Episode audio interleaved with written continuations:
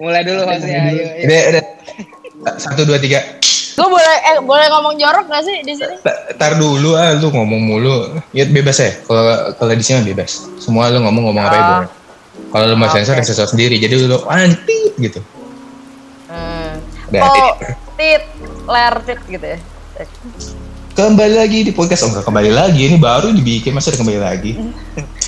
ada Bas, ada Yesi, ada Sam. Eh gue ngerasa selama work from home ini gue udah bosen, kerjaan bosen, nggak bisa keluar, main game udah dicoba semua, nonton film udah semua. Lo pada bosen nggak sih semua? Mau nggak kita bikin sesuatu yang baru? Enggak. Oh, Lo nanya siapa? eh, enggak lo pakai abjad dong nanya.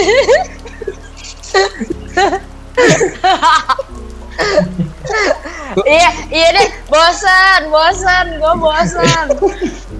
Nah, bosen tuh ya situ, bosen tuh. Aku bosen, aku bosen. Gue bisa pakai intro yang saat gitu. Gue kemarin intronya langsung ngobrol aja. Eh, nggak apa-apa, ini udah lucu gitu. Lucu gak sih kita, guys? Ya, Nggak ada yang denger deh. Enggak ada yang tahu. Mau mau ulang lagi, ulang lagi. Hah, kenapa diulang lagi? Bagus gitu. Ya ini masih dikatnya susah. Lu mau Oh iya deh. deh. Iya. Ya monggo, Eh, monggo. Yang ngekat Bas sih, terserah Bas. Ngulang lagi nggak Bas? Eh, terserah, terserah. Gue juga gak ngerti gimana caranya. Udah nggak kerasa lima bulan work from home, uh, lima bulan di rumah, nggak ke mana-mana, nggak keluar. Gue udah ngerasa ada jenuh banget. Lu pada ngerasa jenuh juga nggak sih? Eh, di sini kan ada empat orang lain, ada Bas, ada Samuel, ada Yesi. Ada yang mau komen? Ya. Setuju sekali. Hmm? Langsung aja bahas tuh apaan. Iya makanya ini kan ide Bas nih. Makanya semua orang idenya banyak sih. Tapi nyuruh nyuruh doang, kaya semuanya.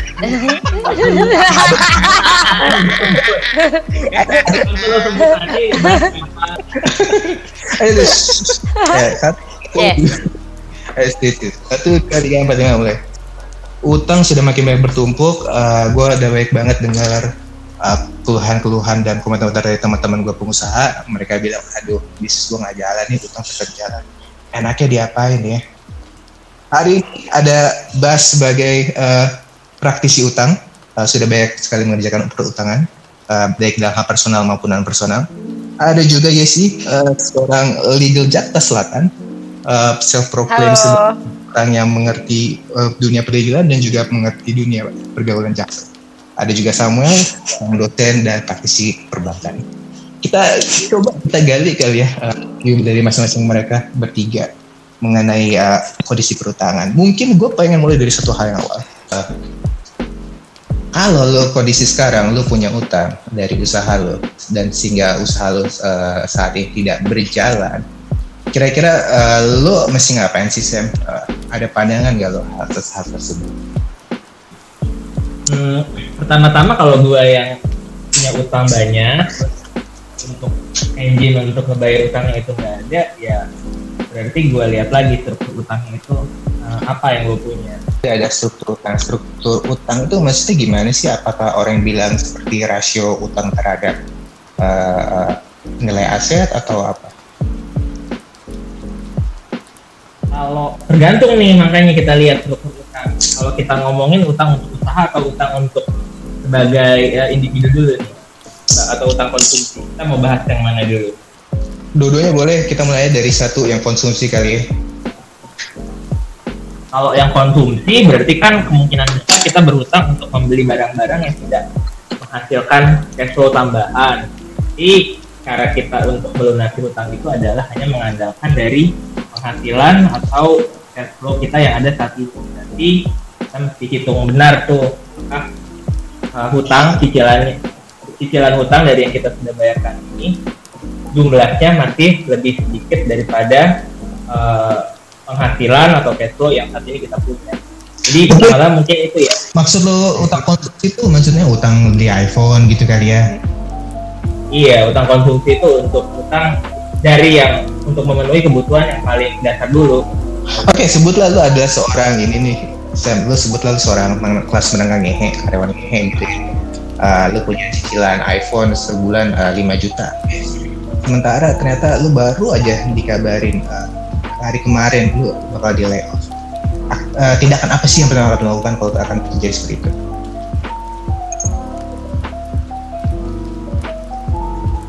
Sorry sorry tadi ada telepon masuk Silahkan nih. Profesional sekali ada telepon masuk. hilang suara lu udah telepon Tergantung kantornya kali. Kalau Ya, lo oke. baru di layoff dari perusahaan multinational company sama lo di layoff dari suatu perusahaan yang lain ya maksudnya lo nggak bisa kalau menurut gue sih kalau namanya utang tuh lo nggak bisa benchmarking kayak bisa nggak bisa bikin threshold gitu. Soalnya each individual tuh lo pasti ada ada ini sendiri ada plus minusnya sendiri gitu. Dan itu tergantung kasuistis menurut gue. Gitu. Kasuistis. yoi. Gue gak ngerti kasus itu tapi sih. Jadi apa yang definisi utang itu penting atau enggak atau itu merupakan beban atau enggak itu tergantung dari individualnya masing-masing. Kasus itu maksudnya maksudnya applicability-nya untuk tiap-tiap orang tuh beda-beda gitu. Oke, Tapi yang jelas kalau Mhm. kalau menurut hukum itu utang itu namanya kan lo eh, itu sebenarnya ada di KUH per ya. Jadi serius dikit. Jadi kayak lo ada di KUH per dan itu merupakan eh, suatu transaksi yang memang bound mengikat dua belah pihak. Dan kalau misalnya ada salah satu yang tidak melaksanakan kewajibannya namanya wan prestasi atau breach of contract gitu. Jadi jadi hutang itu bukan sesuatu yang tidak diperbolehkan menurut gua, tapi begitu lo melakukan bridge baru itu merupakan jadi isu buat lo gitu. Ini gue. boleh pakai bahasa yang ini jaksel aja nggak? Bridge itu apa sih? Jangan yang bahasa corporate gitu. Oh iya iya bridge ya bridge of contract tuh one prestasi tuh gini loh kayak ya pokoknya ya pokoknya lo nggak bisa ngelarin utang lo deh gitu. Lo nggak Oke, bisa ngelarin utang lo. Oke, kayaknya sih ini cukup menarik ya. Gue bisa lihat dari perspektif yang lu bilang uh, mengenai uh, konseptual ataupun dasar dari utang itu apa dari segi uh, KUHPer. Kalau gue boleh ke, ke contoh yang tadi gue bilang, kalau misalkan lu sebagai uh, karya- karyawan ngehe gitu dan akan di layoff dan lu punya cicilan 5 juta per bulan, yang berarti minggu depan ataupun bulan depan dan bulan berikutnya lu nggak punya penghasilan tapi tetap harus bayar cicilan, kira-kira lu bakal ngapain guys? Hmm. Eh, gini gini, kalau Oke. gue ngelihatnya Nangis ya. kalau Dua, nangis satu nangis satu gue nangis di pojokan dulu garuk-garuk aspal menyetiang listrik ya kan terus udah gitu gue akan berpikir gimana caranya supaya gue bisa memenuhi uh, kewajiban gue membayar hutang-hutang gue dengan si iPhone itu yang 5 juta itu kan ya. Berarti abis itu mungkin gue akan uh, berhitung dari penghasilan gue. Bukan berarti gue di PHK gue nggak dapat penghasilan kan? PHK itu sebenarnya kalau by by undang-undang itu lo undang-undang tenaga kerjaan ya lo dipecat tapi tapi lo udah dicukupkan kebutuhan lo minimal enam bulan kalau menurut menurut menurut undang-undang. Jadi lo sebenarnya bisa berpikir gitu. Lo ke enam bulan ke depan lo masih masih bisa hidup tuh bayar utang dengan gaji lo yang ya walaupun lo nggak ada kerjaan sebenarnya tapi masih bisa keluar tuh 5 juta. Ngerti nggak lo? Tapi Ah. setelah enam bulan itu baru lo mikir gitu. Jadi ada baiknya uh, prevent lo bisa preventif juga gitu sebelum enam bulan terjadi di mana lo udah nol income-nya ya lo usaha dong cari kerja gitu. Oh jadi kalau itu nggak nggak nggak serta merta lu nggak bakal dapat uang ya, justru mungkin bakal dapat uang eh, tadi yang lu bilang dalam waktu enam bulan gitu ya. betul. Coba Jadi- lo tanya deh tuh eh, kalau di kawan gue yang kerja di suatu tempat di SCBD ini juga dia mungkin bisa dapat perspektif lain kali kalau gue tuh sebenarnya semuanya ngelihatnya lebih ke preventifnya sih Masalahnya gimana caranya gitu. kerja di SCBD sih ya, pernah ataupun pernah kerja di SCBD sih. Ini yang mana Cuma lo doang yang belum. nih yang Nah. lu bahas? gue pengen kita move ke satu topik deh. Eh, Apa tuh? satu tadi kita udah ngomong soal eh, utang konsumer gitu. Sekarang kita ngomong ke utang usaha lah. Kalau gue mau rubah ba- kata kayak dikit, lu ada pengalaman utang produktif kayak? Oh banyak. Utang produktif. Mhm. Sebelum gua ngambil utang, gua selalu matchingin aja cash inflow-nya duit gua yang gua keluarin buat bayar cicilan sama bunganya utang itu sesuai nggak sama duit duit yang gue terima dari utang tersebut dari benefit dari utang tersebut jadi makanya tadi kan kayak si Sam bilang tadi kan ya kalau mau ngambil utang ya tergantung underlying asetnya apa. Kalau memang underlying asetnya itu bisa menghasilkan uang yang lebih banyak daripada cicilan lu ya ambil aja. Gue mau nanya, gue mau bahas lebih sedikit ke yang lumayan spesifik. Di kondisi COVID ataupun social distancing ini, eh, utang produktif ini menurut lo terpengaruh nggak? terpengaruh karena kemampuan kita untuk bayar utang kan sedikit kurang pasti berkurang kan Oke, jadi di case lu juga ada terjadi ya, kalau lu eh, mengurangi terad- adanya kekurangan penurunan cash flow sehingga kemampuan lu membayar utang tersebut berkurang. ya sebagai contoh kan gue utang gue gue banyak gue banyak pakai buat beli properti ya Mhm. dan covid ini sih properti pada jatuh semua. Contohnya eh, salah satu properti gue sebelum covid dia bisa punya harganya 5 juta saat gue dapet itu net sekitar 5 sampai 6 juta sebulan. Mhm. cuman habis covid gini ya gue dapet duit sekitar 3 sampai 4 juta doang sebulan. Wow, 3 sampai 4 juta itu berarti ya. persen tuh. hampir segitu. Itu menurut gue sih Hampir signifikan banget sih dari penghasilan dan pastinya signifikan ke kemampuan lu eh, membayar Mm, pokok dan cicilan ya semestinya. mm, mm, betul betul sekali Kalau gue boleh tanya lagi nih, lo eh, cara lo menyikapi kondisi tersebut lo ngapain? berdoa dong Pasti satu doa, dua Mm, berdoa nonton humor lah ya dan nggak stres-stres Iya. gitu ya. nonton YouTube jelas nonton Gitu. YouTube Eh, Atta Halilintar atau Kui F- eh, apa Kui Production? Atau Halilintar di hati Aman. Segrup kalau gitu kita. Ayo, maksud gue, gue, yakin di luar sana banyak yang orang-orang yang di luar sana macam ada dengerin aja ya. Di luar sana tuh ada orang-orang yang baru, oh ya ternyata bisnis gue mulai berterasa nih ngaruhnya nih, Eh, kemampuan nyicil gue berkurang nih. Mungkin mereka bisa dapat pelajaran juga dari pengalaman lo. Eh, pertama, gimana lo menyikapinya? Kan yang pasti lo ada kekurangan cash flow. Terus lo mesti ngapain dong? ya itu balik lagi ke rasio rasio itu gua ya rasio utang gua berapa ya selama gua masih punya duit lain yang bisa nutupin itu ya gua masih sebenarnya langkah utama gue ya cuma menghemat menghemat aja Hmm, jadi lo ada sumber cash flow lain pastinya ya selain iya uh, tapi yang jadi masalah itu kalau misalnya orang yang ngambil utang cicil HP cicil mobil nah itu kan wah ngeri itu kayak gitu harusnya ya ya balik lagi ke tadi poin yang awal Sam dan Yesi bilang mengenai uh, utang konsumer.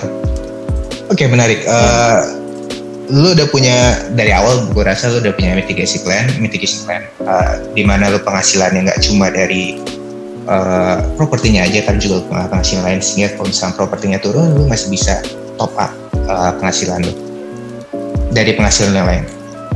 Jadi sehingga clear case lah buat lo. Uh, tapi kan ada juga nih orang-orang yang yang kelihatannya mungkin mereka nggak se well prepared plan kayak lu lah yang udah kepikiran mitigation plan-nya.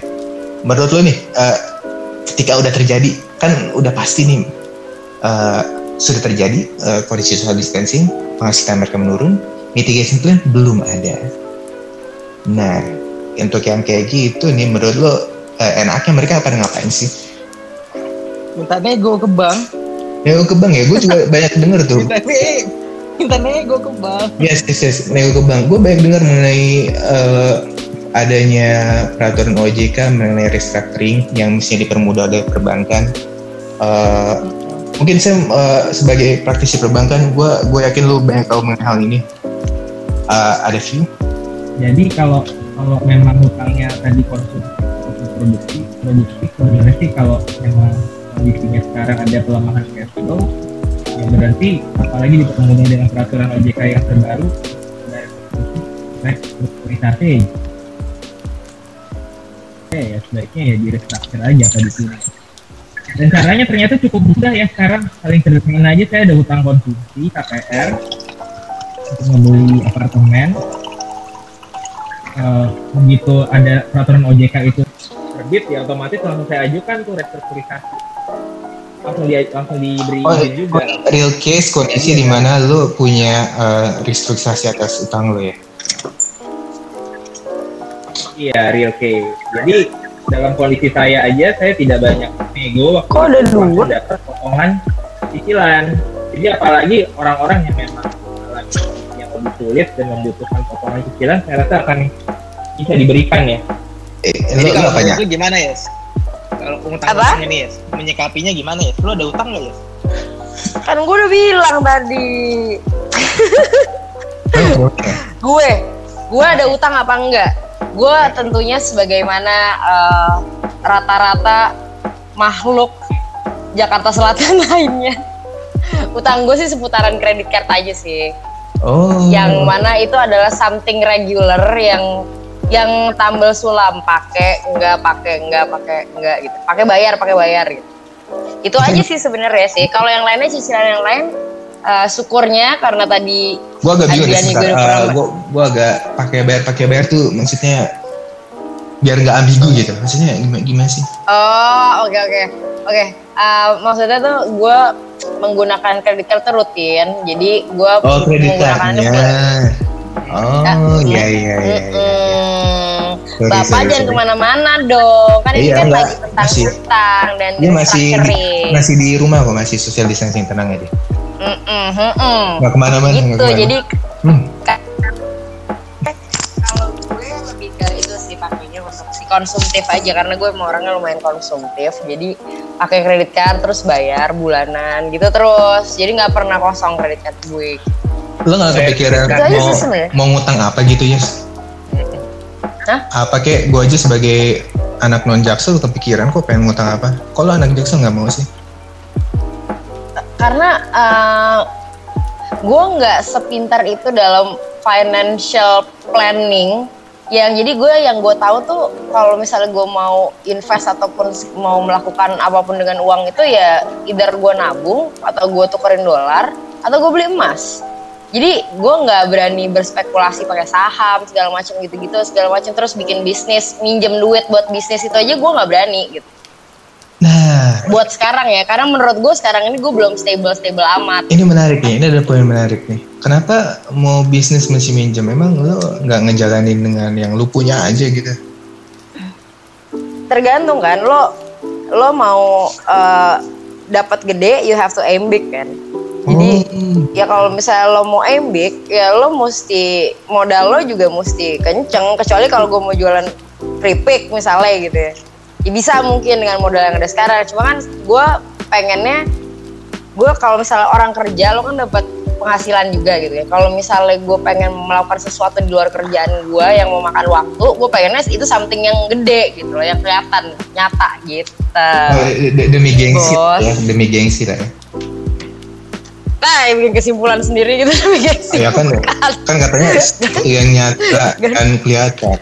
Apa itu kok? yang nyata dan kelihatan sama duitnya maksudnya Adrian gitu jadi maksudnya Oh, ya. maksudnya kelihatan gitu gue dapat berapa Oh, sih bukan. sebulan gitu dengan gue melakukan bisnis Ya, lu punya Bardi Senopati gitu jadinya kan orang nanti oh itu punya Yesi ya oh gila Yesi udah maju ya Iya itu boleh, itu boleh.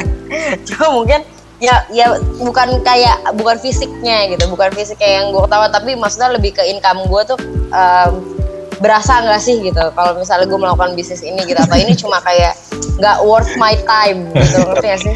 ya oke oke Paham gak lo? ngerti ngerti Eh. ngerti tadi sengaja dulu kan ini Ngerti ya? podcast asik aja ya asal kita asik Oh, iya, ya iya. kita ya Ini udah bawaannya gue mau serius aja soalnya kalau ngomongin hutang-hutang piutang kan emosi Oh. jadi. Kalau ngutang buat beli kalau ngutang buat beli tas mahal pernah nggak ya? Lu ngutang gitu beli LV 20 juta, 30 juta, terus lu cicil gitu pernah nggak ya? masa LV cuma 20 juta 30 juta 50 lah ya. Eh, Model tergantung model. hmm Nah, berapa dah? Oh tentu tidak. Nggak Kalau menurut gua, kalau lo nggak mampu beli itu tas, lo nggak usah beli. jadi lu nggak mampu Lu nggak mau? Loh, tunggu dulu, tunggu dulu. Oh jadi gua kayak brandingnya kayak sombong gini ya. Tar dulu deh, bentar deh. bentar. Ada yang mau saya luruskan ini. eh ya apa itu diluruskan Kenapa brandingnya jadi kesannya gua tangil amat? ya ya nggak apa-apa sih kalau lu nggak punya kita tetap mau temen gua Hmm. Kita Iya, kayaknya- kita cuma temenan sama yang punya LV doang. Sama yang punya Oh, punya oh. Ducati juga kita temenan. Nah, Sama yang punya RM mau juga diganti, kita temenan gitu. nggak mau diganti. Eh, Adian nggak mau diganti namanya jadi podcast dangkal aja. Iya, kan belum ada namanya ini. Belum ada, ini kan baru Nah, namanya belum podcast. ada. Oh ya udah. Bisa bisa dirubah nanti, tenang aja. Nah, oke. Tapi gue ada, ada satu poin ya. ada satu poin penting yang belum kita bahas dan kita perlu gali supaya bisa dapat kesimpulan. Jadi, yes, lu tuh bisa mampu beli LV atau enggak sih? Tadi kan diulang lagi. Kan belum dijawab tadi. Jadi kan jadi orang Eh, pada bingung. Jadi iya apa enggak gitu? Siapa sih yang bingung? Siapa? Enggak, soalnya gini ya, kalau misalnya gini kalau menurut gue ya, ini ini view gue aja ya. Eh, ini sebenarnya tuh tergantung sama pergaulan lo gitu. Kalau misalnya gue bergaul sama adalah teman-teman gue yang terakhir-terakhir ini gue pernah ketemu gitu beberapa kali gitu. Itu penting banget gitu kayak misalnya tas Chanel gue tuh diliatin dari ujung sampai ujung terus gitu diliatin asli apa enggak gitu loh Iya iya. paham gak sih Kayaknya saya sih tahu tuh temen yang mana. Iya, iya sih. Iya tahu sih. Emang kalau kan ada yang gua peler-peler gitu kan anjing Iya. emang berbahaya Berbahaya sih. Jadi gue jadi pengen bertanya lagi nih. eh, s- kalau menurut lo semua deh, menurut lo semua ya, eh, menurut- penting gak sih kita eh, sampai ngutang untuk suatu beli barang branded sebagai contoh tadi adalah tas branded misalkan, ataupun mungkin eh, bagian cowok-cowok beli, beli eh, jam tangan mahal gitu, jam tangan luxury. Kalau gue sih ngeliatnya ya penting nggak penting sih, eh, penting di mana kadang-kadang lu juga boleh juga kali ya eh, bisa membuat personal brand ataupun menunjukkan value lu seperti apa dari barang-barang tersebut. Tapi yang pasti kan poin satu, eh, gimana cara menyikapi supaya ngutangnya tetap tetap tadi kan ceritanya kan ngutang ya, beli barang mahal ngutang. Gimana sih caranya supaya tetap utangnya aman gitu? Menurut lu Sam eh, sebagai praktisi perbankan nih, utang-utang kayak gini nih, utang konsumerisme gini tuh biasa nggak sih? kalau kalau sebagai perbankan ya tentunya harus di, di, di- dimotivasi masyarakat agar berhutang kan kan profitabilitas Oh, iya juga ya. perbankan ya. Hmm. Hmm, Dan juga dengan semakin masyarakat eh, meningkatkan konsumsinya kan negara juga akan terbantu. Jadi hutang konsumsi perlu apa enggak? Ya perlu. Bantu ekonomi.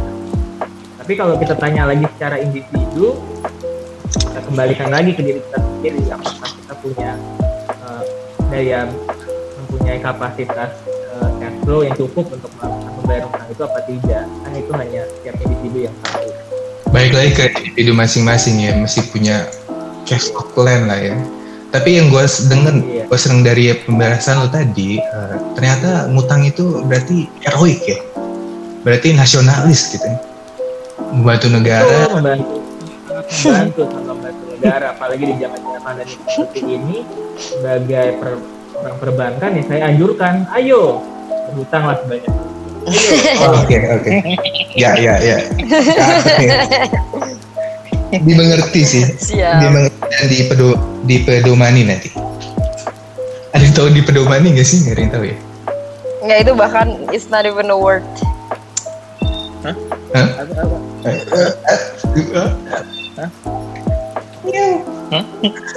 Halo putus Ah, ah, apa.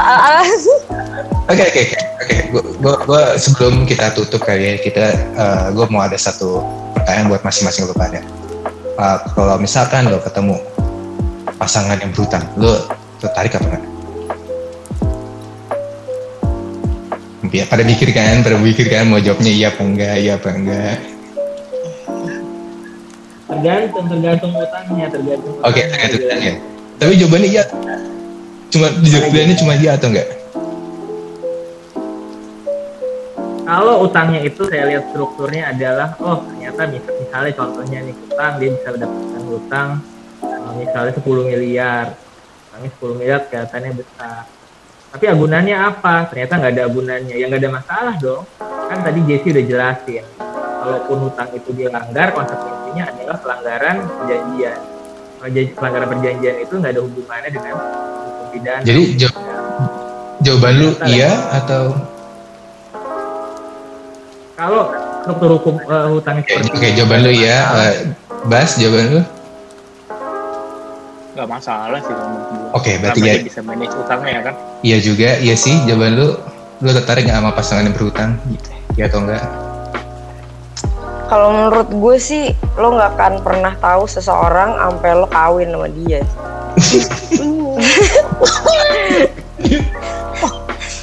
Ditanya iya atau tidak, Abe. Bahkan Oh, bohong. bahkan sampai lo kawin aja itu lo nggak nggak tahu gitu loh. Belum tentu lo tahu juga dia punya utang gitu. Suatu hari tiba-tiba berapa tahun kemudian baru tuh kan terkuak gitu si utang-utangnya itu. Nah abis itu what can you do? Ya kan lo nggak bisa apa-apa. Jadi kalau menurut gua ya ya oke-oke aja lah. Oke, oke aja ya. lagi? Iya. Oke, kita bisa konklusikan dari tiga panelis kita hari ini, tiga-tiganya setuju dengan berhutang, tiga-tiganya setuju memiliki pasangan berhutang. Jadi untuk anda semua pendengar, mari lagi berhutang. Sampai jumpa di podcast asik aja. Ki- kita klik ya, kita finish recording ya.